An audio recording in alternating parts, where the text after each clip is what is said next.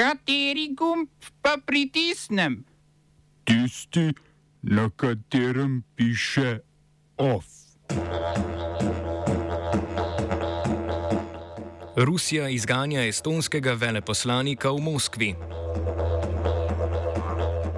Burkina Faso izganja francoske vojake. Stavka delavcev Zagrebške komunale. V akademskih 15 pa konstitutivna seja študentskega sveta Ljubljanske univerze.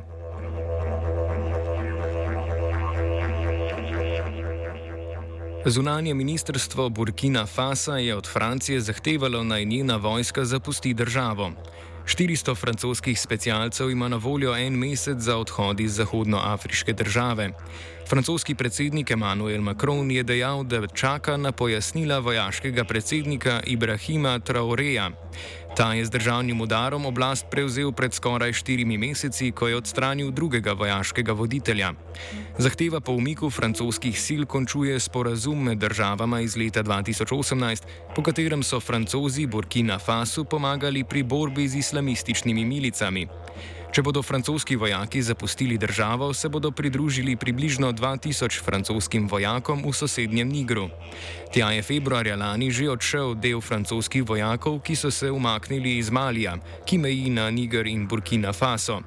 Od Francije je umik zahteval vojaški predsednik Malija Asimi Gojta, ki je oblast prevzel maja 2021. Francija skupaj z Združenim kraljestvom in Nemčijo, ki sta iz Malija prav tako umaknili enote, malijskim vojaškim oblastem očita sodelovanje z ruskimi plačanci Wagner. K Rusiji pa se, kot kaže, obrača tudi hunta v Burkina Fasu.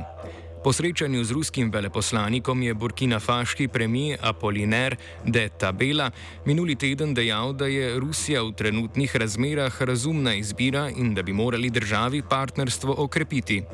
Združene države Amerike so sicer napovedale uvrstitev skupine Wagner na seznam pomembnih mednarodnih kriminalnih organizacij in uvedbo novih sankcij proti njenim članom. Govorec ameriškega nacionalnega sveta za nacionalno varnost John Kirby je skupino Wagner obtožil dobave orožja v Ukrajino iz Severne Koreje, v splošnem pa ji je očital kršitve človekovih pravic. Ustanovitelj Wagnerja Evgenij Prigožin je v javnem pismu Kirbyja vprašal, ali lahko pojasni, kateri zločin točno je Wagner zagrešil.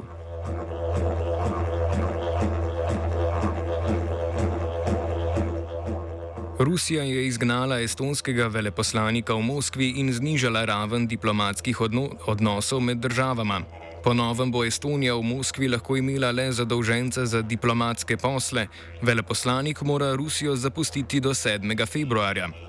Rusko zunanje ministrstvo je Estonijo obtožilo totalne rusofobije in namernega uničevanja odnosov med državama. Gre za prvi izgon veleposlanika članice Evropske unije iz Rusije od začetka ruske invazije v Ukrajini. Odločitev je odgovor na potezo Estonije, ki je Rusiji pred dvema tednoma naložila, naj število zaposlenih na veleposlaništvu v Talinu zmanjša na polovico. V odgovor na ruski izgon estonskega veleposlanika pa so na estonskem zunanjem ministrstvu napovedali še izgon ruskega veleposlanika iz Talina.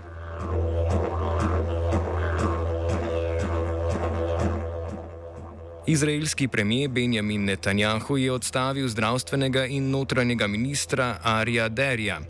To je moral storiti zaradi sodbe Vrhovnega sodišča, ki je odločilo, da Deri funkciji ne more opravljati zaradi lanskega priznanja utaje davkov in pogojne obsodbe, ob kateri se je zavezal k umiku iz javnega življenja. Kot je ob razrešitvi ministra dejal Netanjahu, sodba ignorira voljo nacije, zato si bo tudi v prihodnje prizadeval, da bi lahko Deri služil državi.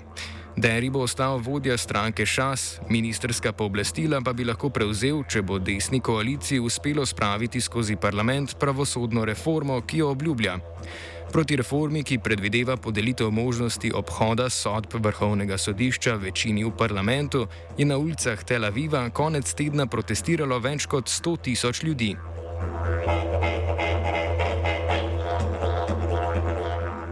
Indijska vlada je prepovedala predvajanje BBC-jevega dvodelnega dokumentarnega filma o premijeju Narendra Modiju.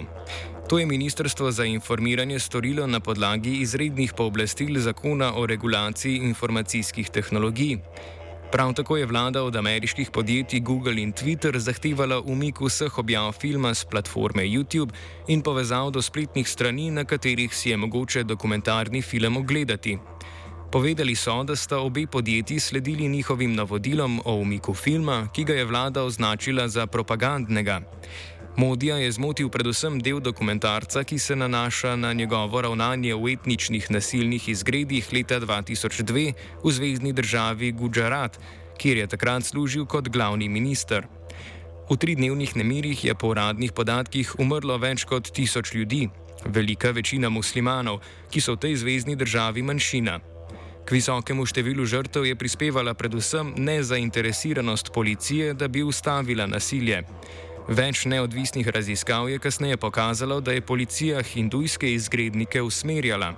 Modiju so takrat Združene države Amerike zaradi spodbujanja verske nestrpnosti za več let prepovedale vstop v državo. Dokumentarec BBC-a prvič predstavlja poročilo, ki ga je takrat naročilo britansko zunanje ministrstvo. Poročilo neposredno odgovornost za nekaznovanost hindujskih izgrednikov pripisuje Modiju.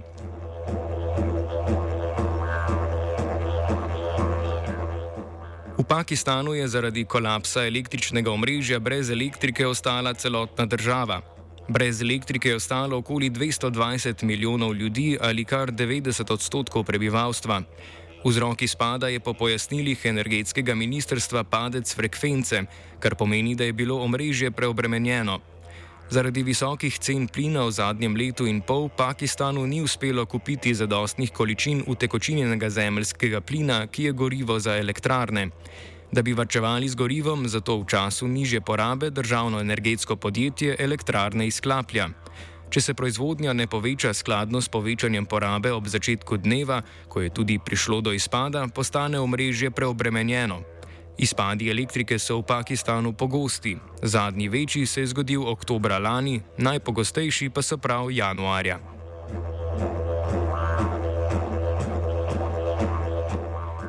Delavci zagrebške komunalne službe Čistoča so začeli spontano stavko. Danes zjutraj tako niso odvažali smeti. Trdijo, da jih sicer motijo nizke plače, a stavkajo v protest proti odpustitvi treh delavcev. Trije smetarji so v petek prejeli izredne odpovedi zaradi videa objavljenega v dnevniku hrvatske televizije. Ločene odpadke iz različnih smetnjakov so namreč izpraznili v isti tovornjak. 400 stavkajočih delavcev trdi, da bodo pri stavkanju ustrajali, dokler se vsi trije kolegi ne vrnejo na delovna mesta. Smo se osamosvojili, nismo se pa osvobodili. Naslednje štiri leta še 500 projektov. Izpiljene modele, kako so se strani nekdanje LDS rotirali. Ko to dvoje zmešamo v pravilno zmes, dobimo zgodbo o uspehu. Takemu političnemu razvoju se reče udar. Jaz to vem, da je nezakonito, ampak kaj nam pa ostane? Brutalni obračun s politično korupcijo. To je Slovenija,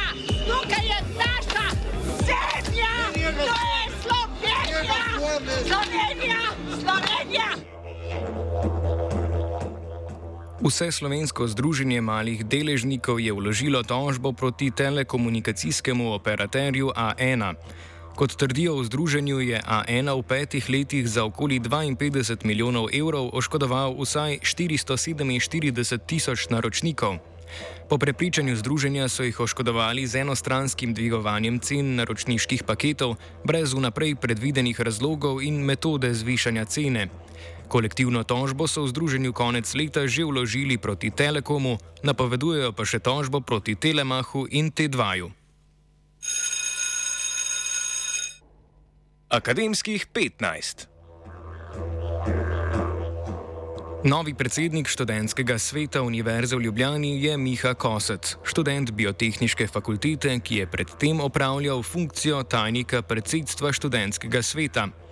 Prejšnji četrtek so njegovo izvolitev s 37 glasovi za in 10 proti potrdili na konstitutivni seji študentskega sveta. Za podpredsednika sta bila izvoljena dosedanji predsednik sveta Nec Donaval, študent fakultete za šport, in Matej Smrečnik, študent zdravstvene fakultete Univerze v Ljubljani, ki na povezani listi pacijenti deluje v fakultetni študentski organizaciji. Na mesto tajnice predsedstva je bila izvoljena Tamara Fiksel, študentka fakultete za upravo, aktivna v skupini Ful Povezani in tudi v lokalni politiki. V tem mandatu je svetnica Slovenske demokratske stranke v občinskem svetu občine Tržič. Za vse štiri funkcije je tokrat kandidiral po en kandidat oziroma kandidatka. O novostih v programu dela in zastavljenih ciljih letošnje ekipe predsedstva študentskega sveta z dvema recikliranima članoma iz prejšnjega mandata smo vprašali predsednika Miho Kosca. Ob ovrednotenju problematik delovanja prejšnjega vodstva in letošnjih rešitvah, novi predsednik izpostavlja težave notranje organizacije dela in nevednost o delovanju predsedstva med člani, kar naj bi v aktualnem vodstvu rešili z izvajanjem rednih internih, a načeloma tudi za druge odprtih sestankov predsedstva in z oblikovanjem tedenskih nalog članov. Med novostmi v letošnjem mandatu je Kosec izpostavil tudi projekte in cilje, ki se tičejo problematike zamude v financiranju študentskih svetov članic, na katero so v prejšnjem mandatu opozarjali svetnice in svetniki. Kar se tiče samih projektov oziroma aktivnosti, ki so že trenutno načrtovane, pa niso bile neposredno omenjene v izvedbi devetih ciljev, so razdelitev finančnih sredstev študentskim svetom članic. A, tukaj a, bi omenil razdelilnik vezan na število študentov članic, ki bo predvidoma obravnavan že na prvi redni seji, kar pomeni, da bodo študentski sveti članic lahko del sredstev dobila že prej kot konec oziroma proti koncu leta. Ovsta pripravila Martin in Gal, študentsko novico je prispevala vajenka Karin.